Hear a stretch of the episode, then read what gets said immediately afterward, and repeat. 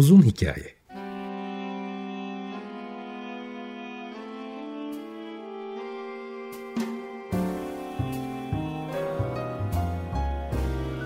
Sinir bilim, psikoloji, felsefe ve müzik.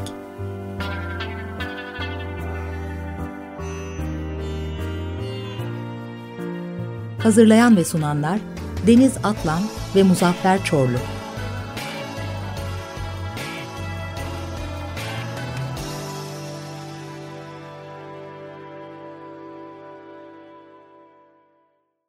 95.0 Açık Radyo'dan, Açık Radyo.com.tr ve onun uzun hikayesinden tekrar merhabalar. Geçtiğimiz haftalarda başlamıştık biliyorsunuz renk konusuna. Hem işin biraz sinir bilimini, psikolojisini konuşuyoruz hem de e, özellikle algı boyutunda e, son derece e, farklı ekoller, okullar var. Fakat e, işte bilgisayar çağıyla beraber, özellikle internetle beraber bu konuya olan derinlik daha da farklı bir boyut kazanıyor derinleşti. İyicene artık e, özellikle bilgisayar dünyasının da e, alanı haline geldi. O yüzden de hem renk uzmanı hem mühendis e, Cüneyt Özdaş'ı geçen haftalarda çağırmıştım. Birinci bölümünü yaptık. E, bugün de ikinci bölümünü yapacağız Cüneyt'le. Cüneyt tekrar hoş geldin.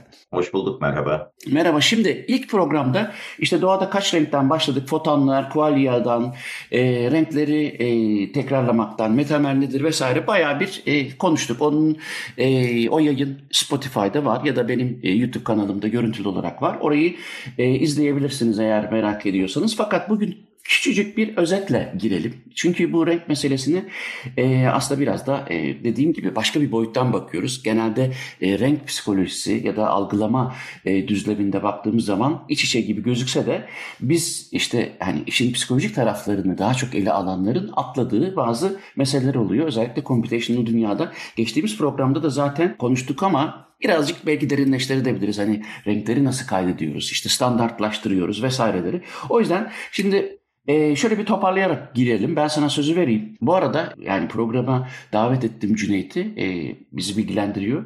Bilgilendirmekle kalmıyor. Soruları, akışı da hazırlıyor. Biraz önce de söyledim. Bir tek editi yapmıyor. O yüzden ben çok rahatım. Ee, topu sana veriyorum Cüneyt. Yani şey e, altyapı olması açısından daha sonra konuşacaklarımızı altını doldurması açısından geçen programda söylediklerimizi hakikaten hızlıca bir özetlersek biraz daha rahat takip edilir diye düşünüyorum. Geçen programda neyi konuştuk? Ee, doğada renk diye bir şey olmadığından bahsettik. Dedik ki doğada fotonlar var. Fotonların e, toplam miktarı bize parlaklık olarak e, bir his uyandırıyor. Ama dağılımındaki dengesizlikler yani daha çok e, büyük dalga boylu fotonlar mı var? Daha çok küçük dalga boylu fotonlar mı var? Bunları bu dengesizlik de bize renk bilgisi olarak geliyor. Ee, şeyden bahsettik işte yani gözün yapısından biraz bahsettik. Ee, gözün orta bölgesi daha renklere hassas dedik koni hücreleri var. Üç tip koni hücresi olduğu için biz bu e, fotonların dağılımını spectral distribution olarak geçiyor İngilizcesi. Spektral dağılımını üç rakama indiriyoruz. Ee, ve bu üç rakamda işte bir tanesi parlaklık, toplam parlaklık en önemli e, komponent. Hatta beynin görüntüyle ilgili kısımları bir kısmı sadece bu parlaklık verisi üzerinden çalışıyor. Rengi göz ardı ediyor.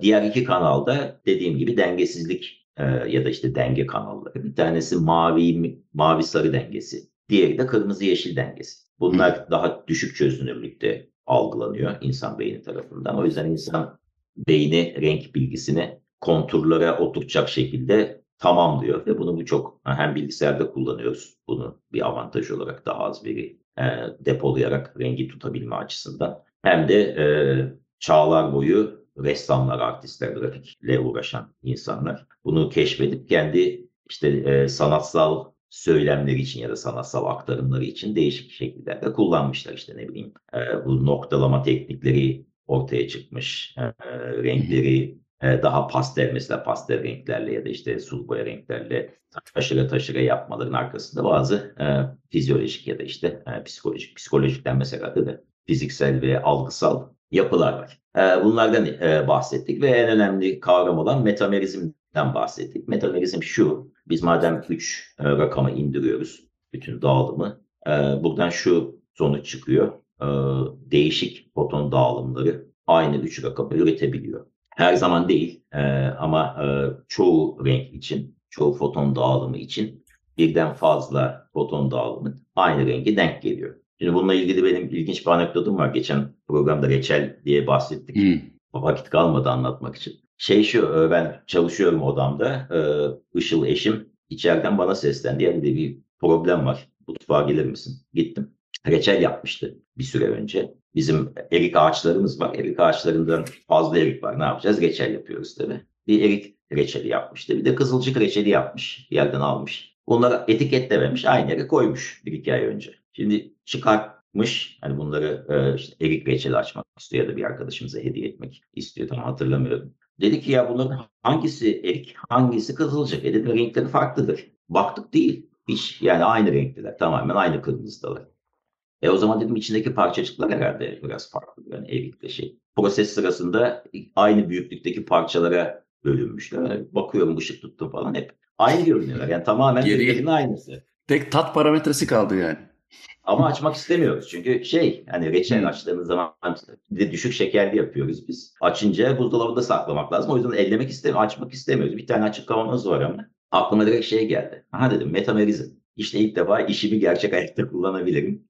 ee, güçlü bir ışık kaynağı var işte şey e, el feneri gibi. Onu altına koydum kavanozların. E, benim evde tabii spektrum ölçebilen bir alet olmasının avantajı var. Spektrometreyle dedim bunlar bizim gözümüze aynı görünüyor ama büyük bir ihtimalle spektral olarak dağılımları farklıdır. Ve hakikaten de e, spektrometreyle ölçtüğümüz zaman bir tanesinde tek e, şeyli, tepeli, diğerinde iki tepeli e, yapı gördük. Böylelikle yani çok kolay bir şekilde e, iki reçeli birbirinden ayırdık. Bu zaten e, gıda endüstrisinde kullanılan bir şey teknik. E, hmm. Spektral dağılımlarına bakıp yani en şeyde bilimde, endüstride çok kullanılan bir teknik. Peki şey spektral dağılımda ne farkı var kızılcıkla eriğin? Onu anlamadım. E, erikte tek bir tepe var. Yani kırmızıya doğru. İşte e, internette şeyde Twitter'da bir e, postum var aslında. Hani oradan e, senin YouTube kanalının altına e, ekleyebiliriz linkini ve görüntüleri. E, şeyde Erik'te tek tepe var galiba. Kızılcık'ta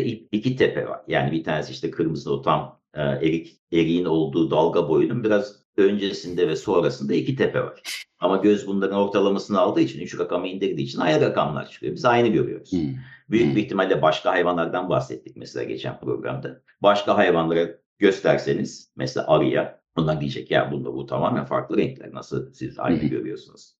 Yani biz aslında orada hani bir bir bakıma renk körüyüz. Ee, ya da renk körlerinin gördüğü gibi e, az görüyoruz. Ya hakikaten ee, ilginç. Ya, ha, buradan çıkarılacak bir ders var. Yani eğer spektrum ölçeriniz yoksa reçel yapmayın bir defa. Çünkü başınız belaya girebiliyor. Ya da ya da etiketleyin. yani başta. Ee, yani şey, şey... E, gerçek hayatta karşımıza çok çok sık çıkmıyor. Ee, ama yani bu tip durumlarda çıkabiliyor. Biz tabii yani ben e, özellikle ekranların renkleri üzerine çalıştığım için benim her günüm tabii e, değişik spektral dağılıma sahip ekranlardan aynı rengi üretmek üzerine geçtiği için e, benim her gün karşılaştığım bir şey ama yani e, bu işte uğraşmayan birisi için ancak böyle durumlarda olabiliyor. Şey konusuna şey e, beyaz ışık e, nasıl yapılır sorusuna şuradan gideceğim. Sen eğer e, ilişkiyi e, e, kurmuyorsan kurmayabilirsin. Ben kurdum çünkü. O da şu beyaz yani white noise, beyaz ses kavramı bizde e, hakikaten çok önemli. E, neden önemli? E, biraz önce hani psikofizik diyelim. Psikofizik yasalar e, bizi son derece e, ilgilendiriyor. E, mesele algılamaya geldiği zaman çünkü bir algılayan var bir de algılanan var. Dolayısıyla bu bir psikofizik kanun. İşte hani biraz sonra şeyi de konuşuruz zaten. Weber Fechner'i de konuştuğumuzda o da bir psikofizik kanun sonuçta. Fakat mesela beyaz beyaz seste hani böyle hışırtı hış, sesler vardır ya biliyorsun işte bir sürü frekansı da içerdiği için zaten öyle. E, fakat bu sesin aslında e, her zaman rahatsız edici olmadığı e, ortaya kondu. E, hatta tam tersi işte çocukların anne karnındaki e, muhtemelen duydukları sesle mesela çocukların uykuya geçiş sırasında nilerdeki e, melodik yapı kültürler arasında fark gösterse de çok büyük farklar değil. Yani bir evrensel e, ninni kavramından bahsedebiliriz. Araştırmalar bizi 8 bin yıldır e, bu konuda e, şeye ikna ediyor hakikaten. Yani konuşmadan önce müzik yaptığımız için bizim hani etkilenmemizi anlamamız daha kolay oluyor. Fakat beyaz ses de e, örneğin işte yağmur sesi. Hiç YouTube'da falan gördün mü? Yani 11 saatlik yağmur sesleri var. Ve ben geçen gün bir makalede çok büyük e, şeyleri gördüm. Yani e, bağımlılarını gördüm. E, bu seslerle uyuyanların ondan sonra bir daha e, kolay kolay e, o ses kaynağını, yani o sesi duymadan uyuyamadıklarını. Onun da çeşitli şeyleri var. Yani hani illa hışırtı olmak zorunda değil. Yağmur, e, fakat belli frekanslarda gök gürültüsü sesleri, e, bunlarla çalışanların e, işte makalesinde gördüğüm kadarıyla hakikaten bu her frekans ihtiva eden beyaz ses e, psikofizik sebeplerle çok sakinleştirici özelliğe de sahip. Fakat beyaz ışık mesela e, ilişkili midir bu anlattıklarımla? E, sonuçta aynı şeyi taşıyorlar. E, ya da nasıl yapılıyor beyaz ışık? Yani söylediğim eğer alakasızsa da. Alakalı aslında. Yani ben, benim de bir, bir, bir iki arkadaşım var mesela o e, white noise olmadan, beyaz e, gürültü olmadan uyuyamıyorlar. Onların bir nedeni, bir tanesinin nedeni şey e, kulaklarında tinnitus var, çınlama. O çınlamayı baskılıyor. Hatta ben şey falan da ben mesela uçak gürültüsü olmasın diye bu kulaklıkları takıyorum. E, sesi izole eden. Uçak gürültüsü eşliğinde uyuyan insanlar da varmış. Yani o dediğin gibi bağımlılık kısmına. Evet, evet, evet.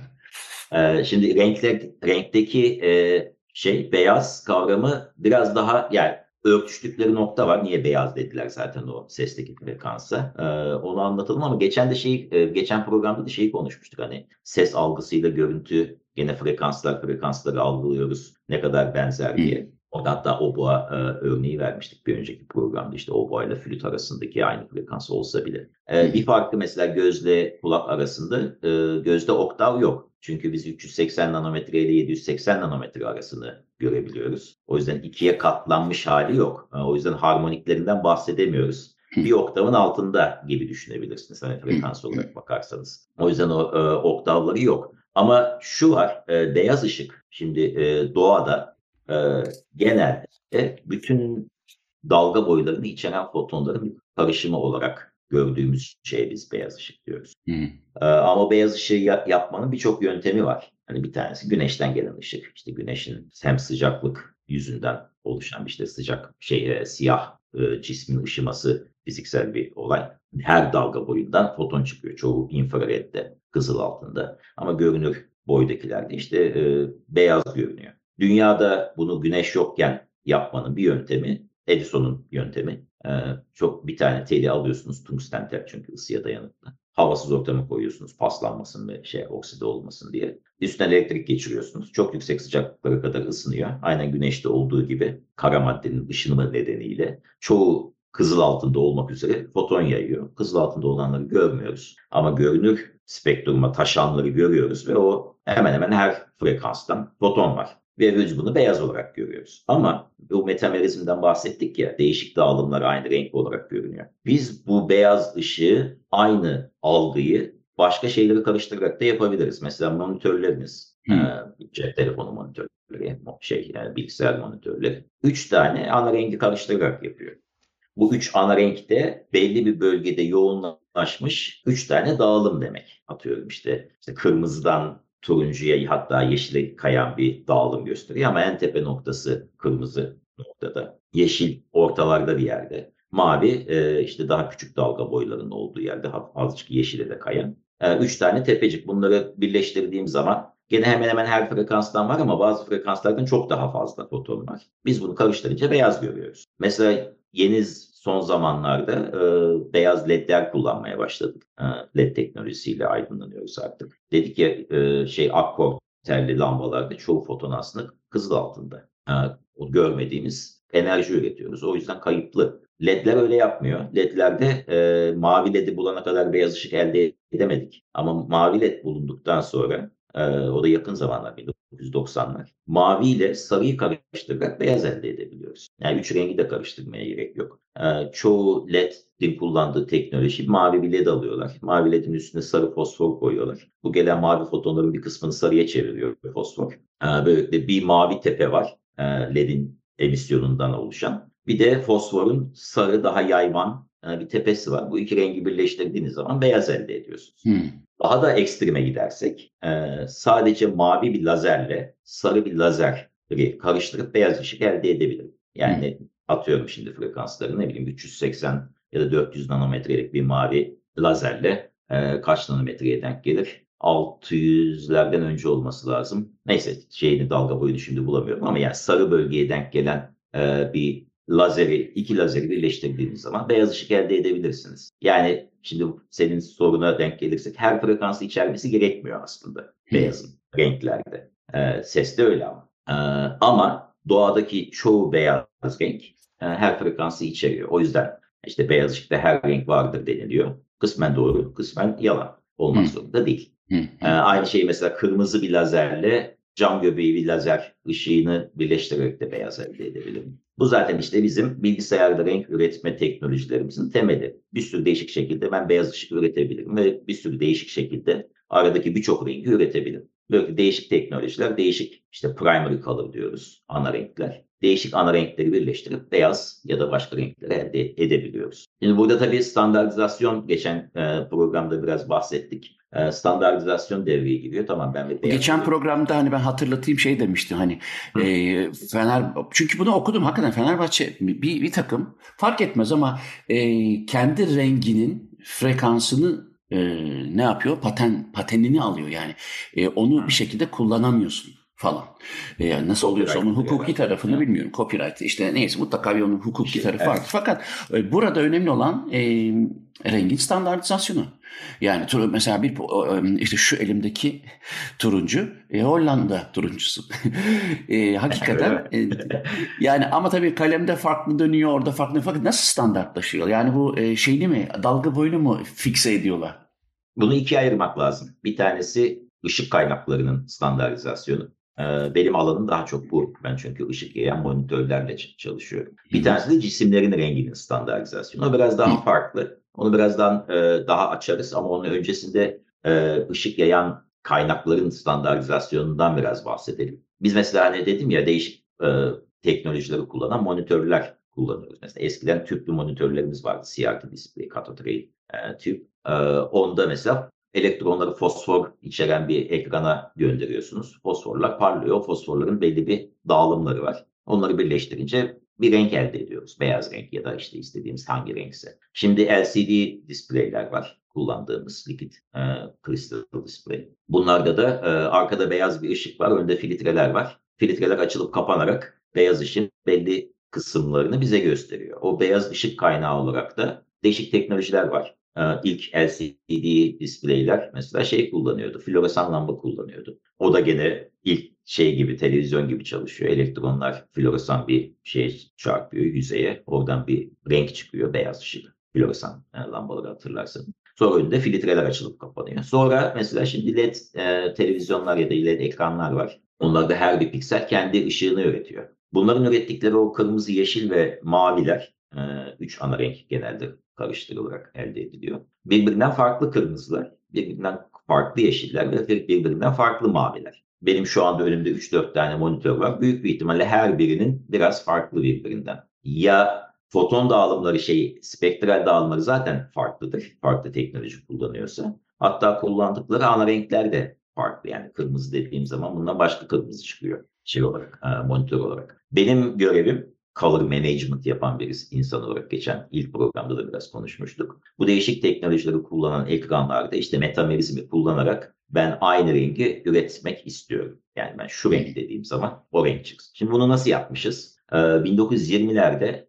işte bu konuda araştırmalar yapılmış. Ee, şeyi biliyoruz yani üç tane renkli birçok rengi elde edebileceğimizi ee, o, o noktaya kadar. Hadi bu standarda oturalım demişler. Ee, işte bazı deneyler yapılıyor ve e, işte Dünya Aydınlanma Enstitüsü ya da şey e, gibi bir e, kuruluş var. Bunlar demişler ki oturalım biz bunu dünya standardı haline getirelim. CIA diye denilen bir e, şey konsorsiyum oluşum. Deney şu, e, insan denekleri oturtmuşlar karanlık bir odaya. Bir ekran var. Ekranın ikiye bölünmüş vaziyette. Bir bölgesine belli bir frekansta fotonlar veriliyor işte monokromatik ışık dediğimiz işte lazer ışığı gibi ama o yıllarda lazer yok. Başka şekilde üretmişler. Detaylara girmiyorum. Ekranın diğer yarısında da 3 tane e, ana frekans var seçtikleri. Bir tanesi kırmızıya, birisi yeşile, birisi maviye denk geliyor gibi kabaca düşünün. O yıllarda üretebildikleri renkleri kullanmışlar işte tekrarlayabildikleri gene lazer olmadığı için. Deneklere işte bir tane frekans veriyorlar sol tarafa. Diyelim ki yani turuncuya denk gelen bir lazer ışığı gibi düşünün. Diğer üç rengi ayarlayarak karıştırarak hangi karışımda aynı rengi denk getirdiklerine bakıyorlar. Bunu her frekans için denemişler. İşte birkaç denekle denemişler. Çok sayı çok sayıda da denek yok o yıllarda.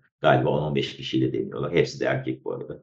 Şey o yüzden hani biraz erkek kadınla arasında renk e, matching konusunda bir problem var mı yok mu o biraz e, tartışma konusu. E, neyse de sonuçta şunu şey çıkıyor. E, standart e, gözlemci için bir standart gözlemci e, uyduruyorlar. Yani bu insanların ortalamasını alan. Standart gözlemci bu üç rengi nasıl karıştırırsa öteki rengi görüyor. Onun bir grafiği çıkıyor. Buna color matching function deniliyor. E, işte color, renk eşleşme fonksiyonu. Böyle bir fonksiyon çıkartıyorlar. Bunu tam Fovea alanındaki iki derecelik bölge için yapıyorlar. 1931'de yapılıyor bu deney e, ve dünya standartı oluyor. Biz hala bugün bile o 1931'deki deneyin sonuçlarını baz alarak e, standart renkleri öyle üretiyoruz. Hmm. E, orada bir e, X, Y, Z renk uzayı diye bir uzay oluşturuyorlar. Orada her rengin bir koordinatı var X, Y, Z uzayında. Ekrandaki mesela çoğu monitör D65 dediğimiz bir beyaz nokta yer gelmesi lazım. Standart o. Günümüzde kullandığımız özel kullanımlar hariç. D65'in koordinatı belli. Siz eğer e, monitörünüzü kalibre etmek istiyorsanız her monitör aynı göstersin. Beyazın D65 XY koordinatına denk gelmesi, XYZ koordinatına denk gelmesi lazım. Şey dedik ya e, rengi ya da algıyı 3 eksene bölebiliyoruz. Bir tanesi parlaklık, birisi işte e, kırmızı yeşil dengesi, öbürü mavi sarı dengesi. Parlaklığı çıkartırsanız iki şey kalıyor, e, eksen kalıyor. O yüzden eğer rengin parlaklığını göz ardı edip sırf tonuna bakmak istiyorsanız o zaman iki renk e, yetiyor. İşte bu x, y, z'yi x, y olarak kısaltıp x, y koordinatını verdiğiniz zaman beyaz dediğimizde hangi beyaz olduğunu x, y koordinatıyla verebiliyoruz. Bu ışık kaynaklarının standartizasyonu oluyor. Aynen. Fakat şeyi e, bu hani e, 1920 ve 1931 yılındaki de, işte bu eşleşme deneylerinden bahsediyorsun.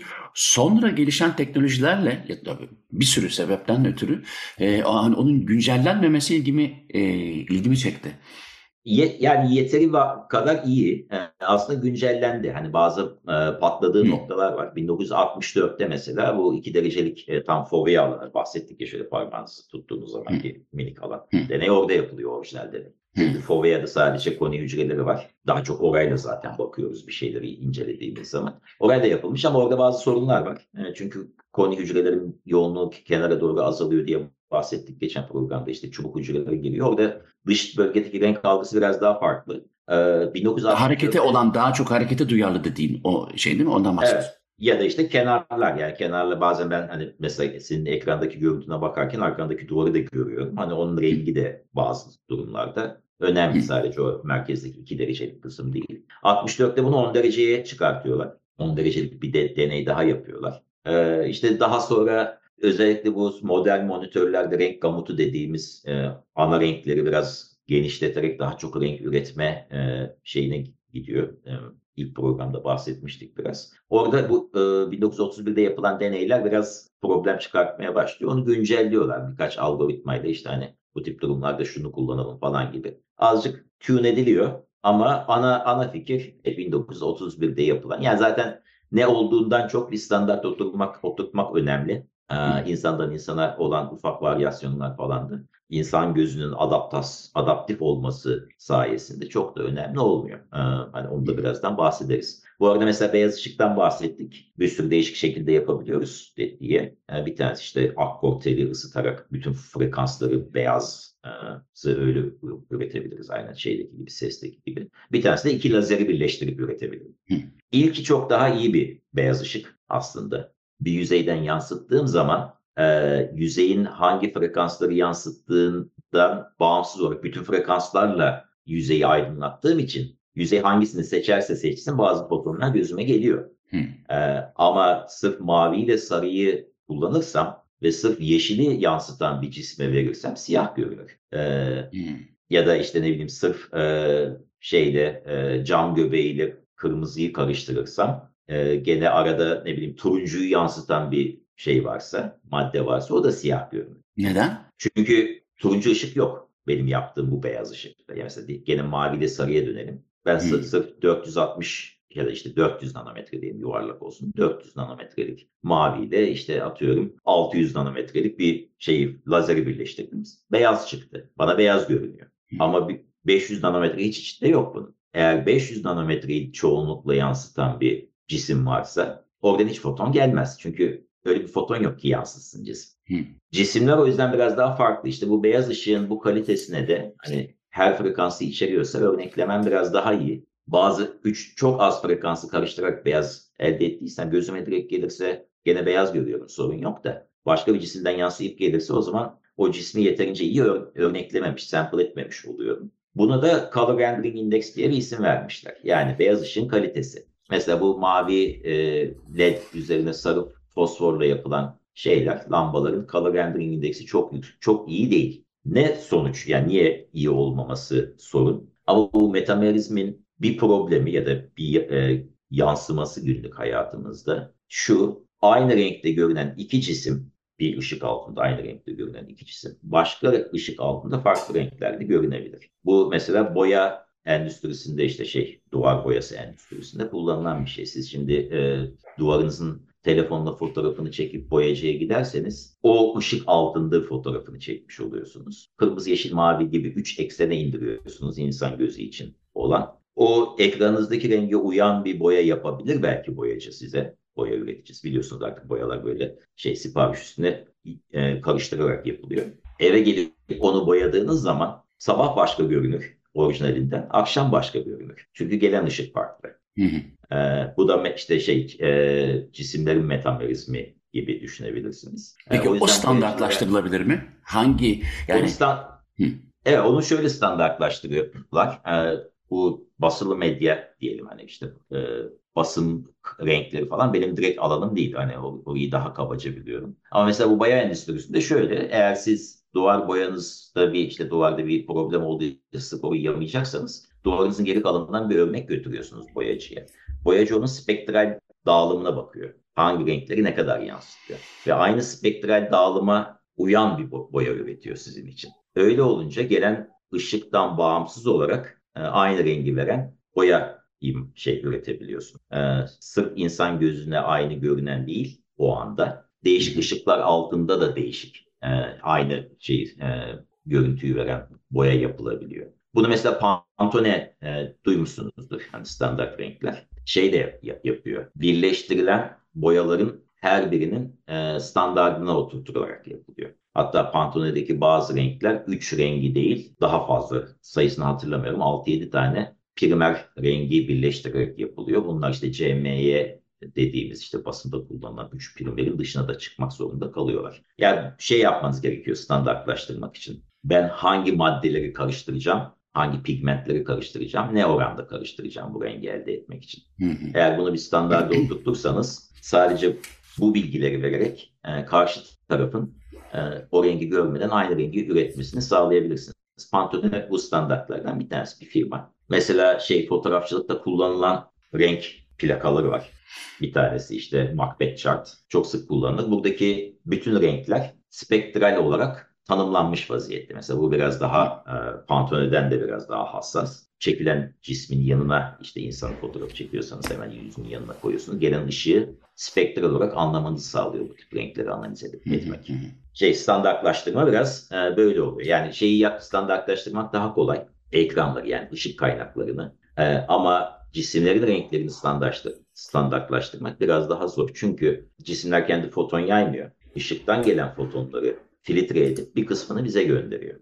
O yüzden onu standartlaştırmak biraz daha zor. Zaten e, zorlaşmasının net bir nedeni de beynimizin renkleri aslında tutarlı bir şekilde geçir, getirmeye çalışma çabası. İşte bunun adı color constancy. Oraya İstersen e, renk tutarlılığını müzik arasından sonra girelim mi? Çünkü ha, e, süper, vakit tabii, geldi. Tabii. E, Miles Davis'den seçtim. Blue and Green.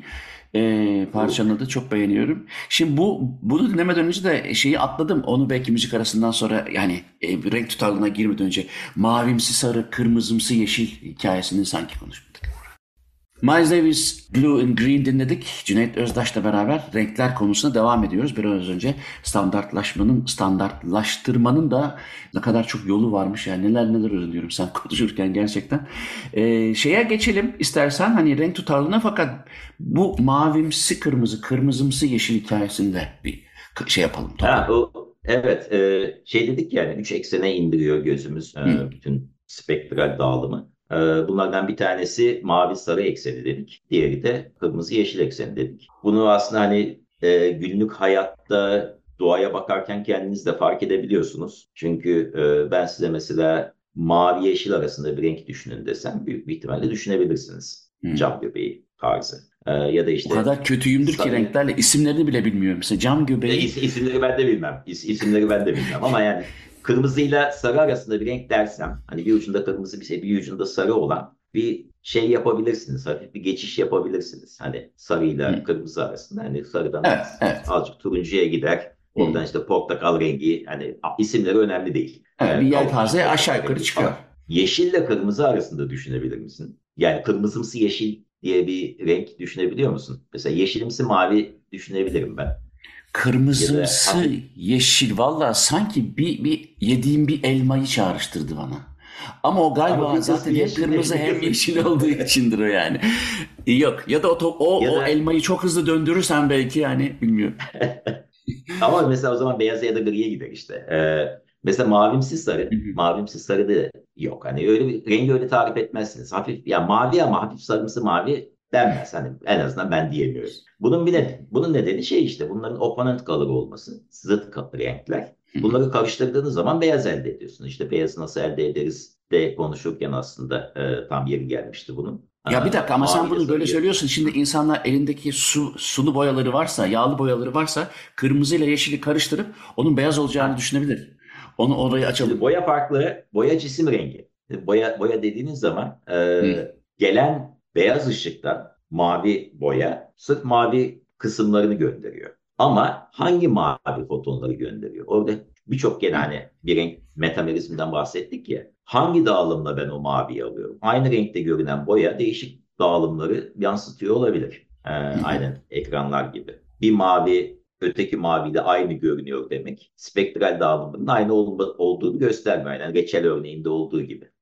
Şimdi ben ilk reçeli bir kırmızı şey bir yeşille karıştırsam başka bir ton elde ederim. Hı. Aynı yeşille ikinci reçeli karıştırırsam başka bir ton elde ederim. O, yüzden o zaman spektrometreye de gerek kalmıyor. Hani o da bir evet. yol olurdu. Gerçi kapağını açman gerekiyordu gene. Yok gene olmazdı. Okey pardon. Ama şey altına koyduğum ışığı değiştirebilirdim. Renkli bir ışık versem mesela e, spektrometre hmm. olmadan halledebilirdim. Yani ha, okay. cisimlerin farklı ışıkta farklı renge sahip olabilmesinden bahsettik ya işte duvar rengi falan. Mesela onu kullanabilirdim ama renkli parlak bir ışığım yok yeşil renkte. Onu deney, deneyeyim aslında yani. Aynı reçeller kalmadı büyük bir ihtimalle bu birkaç sene önceydi ama. Yani e, bu hani eksenler insanın nasıl kodladığını e, rengi bu şeyden görebiliyorsunuz. Yani is, renklere verdiğiniz isimlerden veya renkleri tariften biraz e, ipuçları veriyor. Mavimsi, sarı? Sarımsı mavi, e, sarımsı mavi nasıl olur acaba diye. Çünkü onlar beyaza gidiyorlar. E, demin hani e, atladığımız, bahsetmediğimiz kısım. Renk tutarlılığına o zaman geçelim. Renk tutarlılığına geçelim. Şimdi e, ne dedik? Değişik ışıklar altında cisimler bir defa e, değişik fotonlar gönderiyor bizim gözümüz. Diyelim ki beyaz bir top var, pimpon topu. E, siz bu pimpon topunu gündüz dışarıya koyarsanız işte güneşten gelen ışıkların hemen hemen hepsini, fotonların hemen hemen hepsini gözümüze gönderiyor. O yüzden beyaz görünüyor. Ee, ama akşam güneş battıktan sonra eve getirirseniz, evde de akkortelli lambalarınız varsa eski usul. Yeni, yenilerde zaten genelde öyle. Ee, bunlar çok daha sarımsı ışık veriyor aslında. Biz fark etmiyoruz. Ee, ama öyle tercih ediyoruz. Bazıları çok beyaz ışık veren lambalar da kullanmayı tercih ediyor. İşte floresan lambaların bazıları beyazımsı veriyor, bazıları sarımsı veriyor gene. Ee, ama genelde e, içerideki aydınlanma daha sarıya kaçan bir e, şeyde, tonda. Yani daha düşük frekanslı fotonları daha fazla gündüzkü ışığa göre. Ama biz o topu orada da beyaz görüyoruz içeride de. Hatta biz evin içindeki sarı ışığın ya da işte ışığın sarı olduğunu da fark etmiyoruz kendi gözümüzle. Bunu ancak şeyde fark edersiniz. Eğer bir fotoğraf makineniz varsa beyaz ayarını otomatikte tutmazsanız e, ne bileyim hani gündüz modunda kaldıysa fotoğraf makineniz ve gece ev içerisinde fotoğraf çekerseniz sapsarı çıkar. Benzer şekilde ev içi için ayarlanmış bir fotoğraf makinesini dışarıda gündüz kullanırsanız masmavi bir renk çıkar. Ee, bunun nedeni şu ya, da işte gün batımını düşünün. Gün batımında hani içeri dışarıyı demeyelim hepsi dışarıda olsun. Gün batımında e, güneş batarken renkler sarıya dönüyor. Ee, ama biz gene beyaz bir cismi beyaz olarak görüyoruz gün batımında da. Gündüz de beyaz olarak görüyoruz. Bunun nedeni e, insanın aslında ışığın rengiyle çok ilgilenmemesi. İnsan daha çok cisimlerin rengiyle ilgileniyor. Çünkü e, hani renk ne işimize yarıyor? Avlanırken daha ağaca tırmanmadan aşağıdan bakıp ben ha evet bu ağaçtaki meyveler olgunlaşmış diye bir şey yapabiliyorsam, görebiliyorsam o zaman enerjimi sadece olgun meyvelerin olduğu ağacı tırmanmak için kullanabilirim. Bir avantajı bu. Renkleri görmenin. Ama tabii ben o ağaca gündüz baktığımda farklı renkte görüyorsam elmaları, akşam baktığımda farklı renkte görüyorsam o zaman e, bir problem. E, hani bütün bütün meyveler zaten akşam kırmızı sarımsı görünüyor, olgun gibi görünüyor. E, o yüzden insan beyni gelen bu gözden gelen kodlanmış renkleri e, olduğu gibi kullanmıyor. Bu renklerin aslında cismin ne hangi renk olduğunu anlamak üzere ayarlama yapıyor. Yani gözümüze hmm. çoğu sarı foton bile geliyor olsa ya bir saniye diyor aslında cisimden sarı fotonlar geliyor ama zaten ortam sarı, zaten ışık sarı. O zaman ben bunu bir düzelteyim. Yani eğer ışık beyaz olsaydı bu meyvane renk foton gönderecekti bana. İşte benim bu V1, V2, V3 dediğimiz arka taraftaki senin çok daha iyi bildiğin Visual Cortex'teki daha üst level işlemler renk üzerinde bunları yapıyor. Bunlar sırf tabii o arkada değil, retinada da başlayan şeyler, prosesler. Hani e, gözümüzdeki konu hücreleri e, hep aynı rengi görünce biraz daha o renge has, hassaslığını kaybediyor. E, bir ortalamasını, normalizasyonunu yap, yapıyor daha gözde ama daha sonrakiler beyinde devam ediyor. E, bunu birçok optik illüzyonla görebilirsiniz zaten. İşte e, sarı, yeşil ışığa çok bakıp baktıktan sonra yeşil görüntüyü ekrandan silerseniz onun ters rengi ekranda kalır. Çünkü yeşil artık doygunlaşmaya başlıyor. Yeşili göz ve beyin e, baskılamaya başlıyor. Yani her şey yeşil. Ben hep yeşil görüyorum. Demek ki ışık yeşil. E, ama ben ışıkla ilgilenmiyorum. Cisim ne renk? Onu şey yapıyorum. O zaman ben hepsinin yeşilini bir kısayım diyor. Ee, şey de bu. E, color constancy dediğimiz işte rengin As sabitliği. Yani e, yo yo şey için diyecektim. Aslında hani e, bana şeyi hatırlattı. Geçenlerde bir tane bir TEDx konuşmasında rast geldim bu şeye deneye. Sonra gidip baktım makaleye hakikaten nedir diye. E, bir şeyi algılarken mesela diyelim ki e, telefonumuzdaki aplikasyonlar e, var. İşte şeye bakıyorlar yani biz telefondaki aplikasyonlarda e, bizi işte bu şu uygulamanın ikonu dedirten en baskın şey nedir? Parametre nedir? İşte onun üzerindeki Hı. resim mi, harf mi, renk mi diye. İşte hatta e, o bahsi geçen de ne de WhatsApp kullanılıyor ve birdenbire şey yapıyor yani. Herkese diyor ki telefonunuza dokunmayın şimdi. Ee, en çok kullanılanını seçiyor yani e, işte bütün dünyada yani telefonda en çok tıklanan aplikasyon ikonunun WhatsApp olduğu iddiasıyla e, diyor ki hadi şimdi bakmıyorsunuz telefonunuza ve WhatsApp'ın şeyini çizin. Logosunu çizin yani nasıl? Yüzde 85'i e, ya da kurşun kalemin var ve kağıdın var.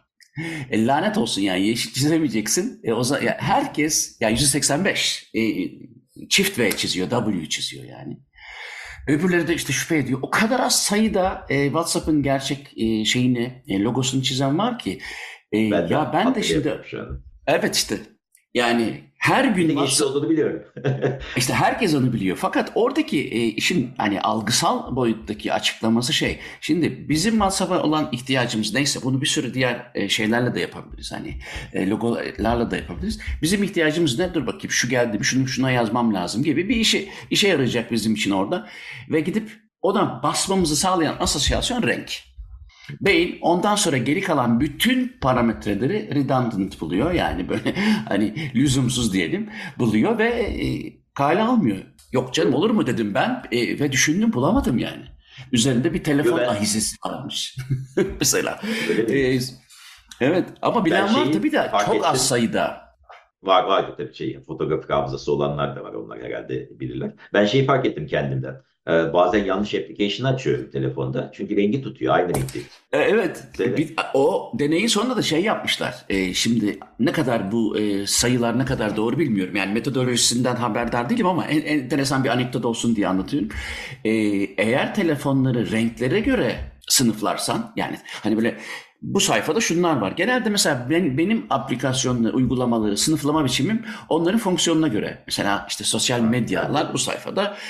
Fakat o deneyde benim tamamen bana ters gelen bir sonuç çıktı. Diyor ki eğer folder halinde aynı renkleri bir yere koyarsanız ya da hani sayfa sayfa eğer kullanıyorsanız bu sayfada işte yeşil logolu ikonlar e, yaklaşık olarak günde 2 saniye gibi bir zaman kazanılmasını e, öngörülmüş yapılan şeylerde ve de hani bu da yani ne kadar önemli dersem bilmiyorum yılda 22 saate tekabül ediyormuş falan. E, fakat sonra düşündüm ben e, tamam çok akla mantığa yakın geliyor ama e, bir dakika ben eğer e, yeşil logolu yani WhatsApp'ı yeşil logosundan biliyorsam gene yeşil logolu bir şeyle bunun ikisi arasında benim için bir fark yok demektir. Yani bence hani bu bana ters geldi mesela ama yapılan çalışmalar beni doğrulamıyor. Evet. Hazır psikofizikten bu algılamalara girmişken benim daha önceden duyduğum fakat renk alanında nasıl kullanıldığını bilmediğim şu e, Weber Fechner'e istersen geçelim. Şimdi hani en basit ifadeyle bu psikofizik şeyde bizim algılamamız için e, gereken minimum bir değer var ki onu da orantısal olarak düşündüğümüzde e, bize hakikaten şöyle bir bilgi veriyor. Çok basit şeyle mesela bir tane bir satranç kutusu gibi bir kutu düşünelim ve içine e, 10 tane piyon koyalım. Aynı büyüklükte bir satranç kutusuna daha buraya e, koyalım. Ona da 20 tane piyon koyalım.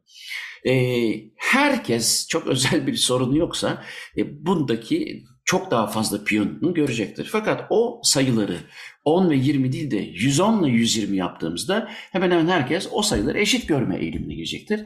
Her ne kadar öbürsünde de yine 10 sayı var. Ama tabii burada bir orantısal olarak birisinde %100'den bahsediyoruz, birisinde işte %8'lik, %9'luk bir artıştan bahsediyoruz. Fakat bu gündelik hayatımızda bizim e, karar verme mekanizmalarına kadar etkili bir psikofizik kural. Renkte nasıl bunun karşılığı? Ben de sadece görüntü ve renk üzerinden aynı e, kurala denk geldim. Sonra onu biraz okuyunca fark ettim ki aslında algılarımızın hemen hemen hepsi e, bu kurala tabi büyük bir ihtimalle çoğu canlı da tabi. Biz artımları değil oranları hissediyoruz. Bu da aslında düşünürseniz mantıklı. Ee, mesela insan gözünün ışığa olan yani insan gözünün çalıştığı ışık aralığı çok geniş bir aralık. Ee, şimdi şeyden tablodan bakıyorum e, nit denilen bir şey e, birim kullanılıyor mesela ışık parlaklık birimi olarak. Bir mikronit mesela görme eşi bir mikronitin üstünde görmeye başlıyoruz. Eğer güneş batarken güneşe bakıyorsanız bu artık yani şey çok riskli bir şey değil. Güneş batarken bayağı parlaklığı azalıyor. Güneş tepedeyken sakın bakmayın. Ee, 600 bin nite tekabül ediyor gün batımındaki güneş. Tam ufka yakın. 600 bin ile bir mikro arasında işte bayağı milyar derecesinde bir şey var yani mertebesinde bir oransal fark var. Şimdi bunu biz görebiliyoruz. Eğer artımsal olarak görseydik bunu hani 1-2 arasında o zaman bu kadar geniş bir aralık kav şey yapmamız, e, e, görebilmemiz mümkün tek olmazdı. E, o yüzden insan da Küçük şeylerde çok daha hassasız, küçük dokunuşlarda. Büyük dokunuşlarda mesela hassaslık azalıyor. Bu sefer şey gene oransal olarak gördüğümüz için ikiye katladığımız zaman gene ha evet bu iki misli diyebiliyorsunuz. Ama 10 arttığı zaman evet bu sadece 10 artmış diyemiyorsun. Bu ışık şiddetinde de böyle ve adaptif olduğu için insan gözü çalıştığı aralığı da ayarlıyor. Renkleri kodlarken de, ışığı kodlarken de biz bilgisayarda artımsal olarak kodlamıyor. Yani 1, 2, 3, 4 ya 1 foton, 2 foton, 5 foton bunları 1, 2, 3, 5 diye kodlamıyoruz. Biz oranlarını kodluyoruz. Bir gamma fonksiyonu de denilen bir fonksiyon kullanıyoruz üstsel. Ee, insan gözü karanlık şeylere daha koyu renk piksellerdeki değişime daha çok hassas olduğu için biz koyu renkleri daha e, daha çok koyu renkleri tutan bir kodlama sistemi kullanıyoruz. Parlaklık arttıkça araları açılmaya başlıyor renkler. Bu ta gene e, 1950'lerden e, ki televizyon standartında bile kullanılan bir e, teknik. Gene insan gözünün limitlerini bildiğimiz için e, insan gözü nasıl algılıyorsa biz eğer grafikte kullandığımız resimleri işte JPEG'leri e, ya da filmleri aynı şekilde kodlarsak daha az veriyle daha çok bilgi saklayabiliyoruz. Bu tabii şeyde geçerli sadece. Eğer görüntü sadece insan gözünün için kullanılacak şekilde yapıldıysa. Bazen biz görüntüleri başka amaç için kullanıyoruz. Mesela bir e, görüntü alıyorsunuz. Siz bunu ne bileyim bilimsel bir e, analize tabi tutacaksınız. E, ya da işte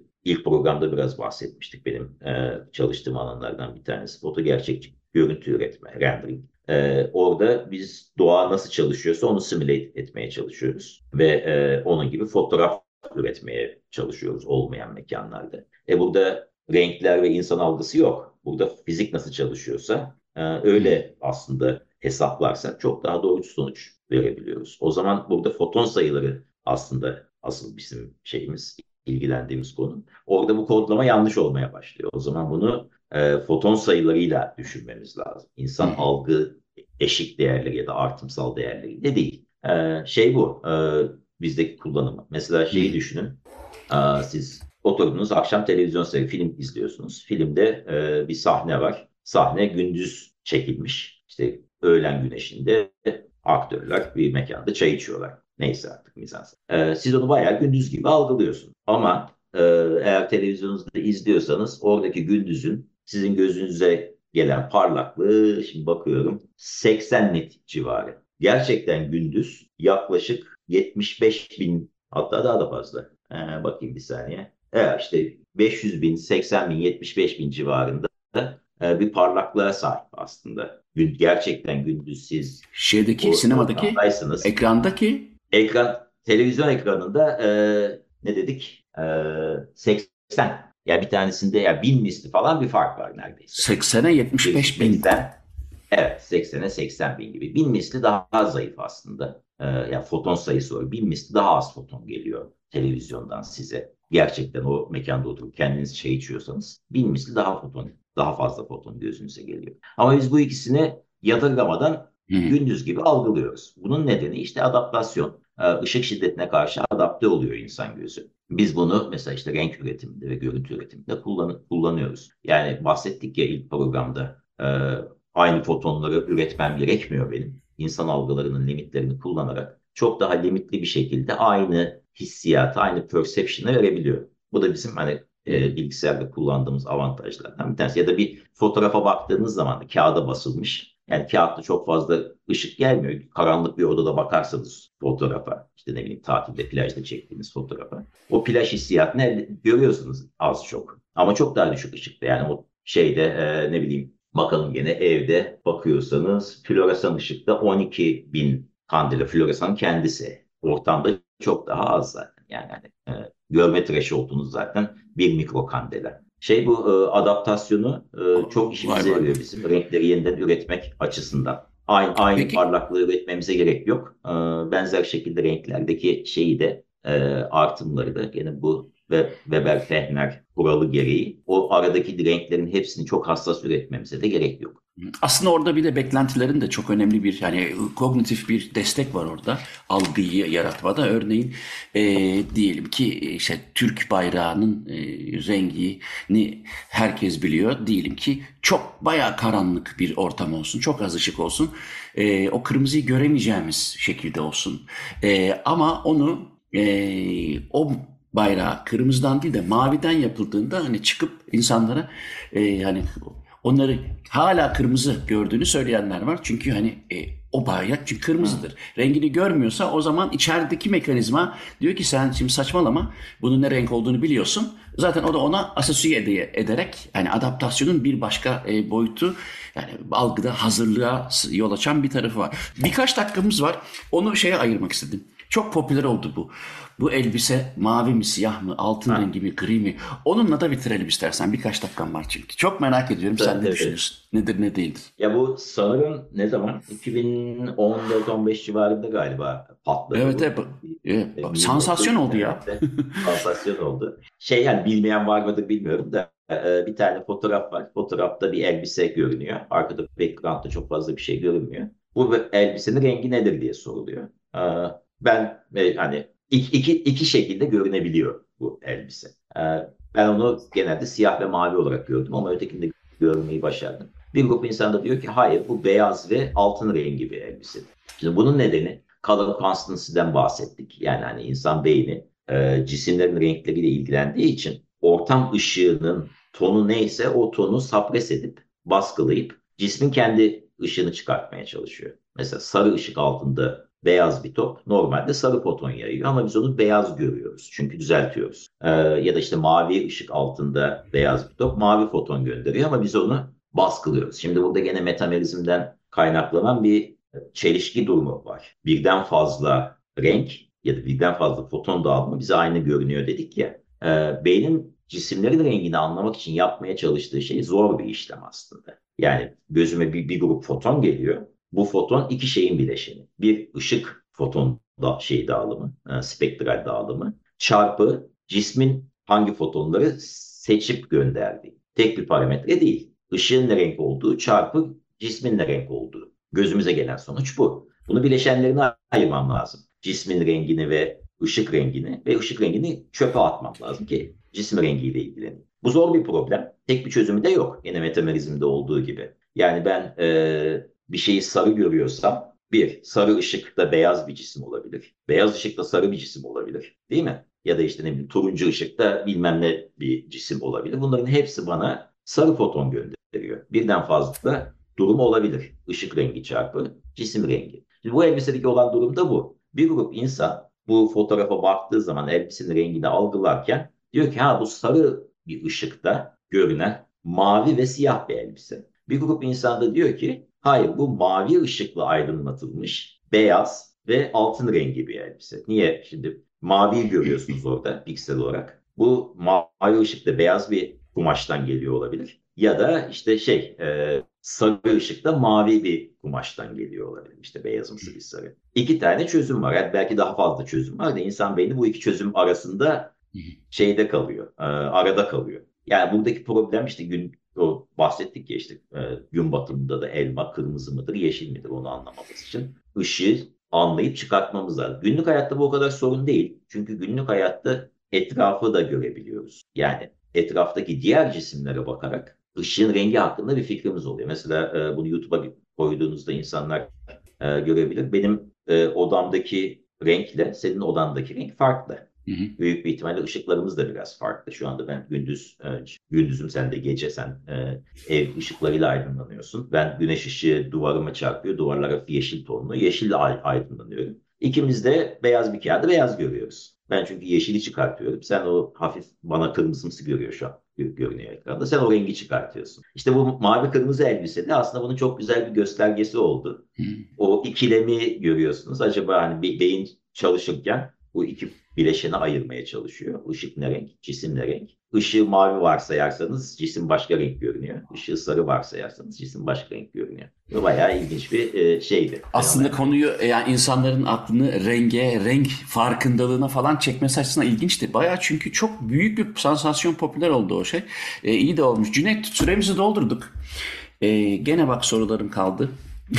Çünkü akomodasyonla ilgili, özellikle adaptasyonla ilgili çok benim de söyleyeceklerim vardı ama başka bir programda, başka bir şekilde yaparız. Ben iki program üst üste e, katıldığın, bilgilendirdiği için çok teşekkür ederim. E, Cüneyt, hakikaten çok yararlandım. Umarım izleyenler, dinleyenler de yararlanmıştır. Umarım faydalı olmuştur. Dilim suçtuysa affola. Estağfurullah. Bana ulaşmak için Muzaffer Coğlu Gmail ya da Deniz Atlam Gmail'e yazabilirsiniz. Bu programın tekrarı Spotify'da olacak. Ben de YouTube kanalıma koyacağım. Haftaya görüşürüz. Hepinize günaydın. Hoşçakalın.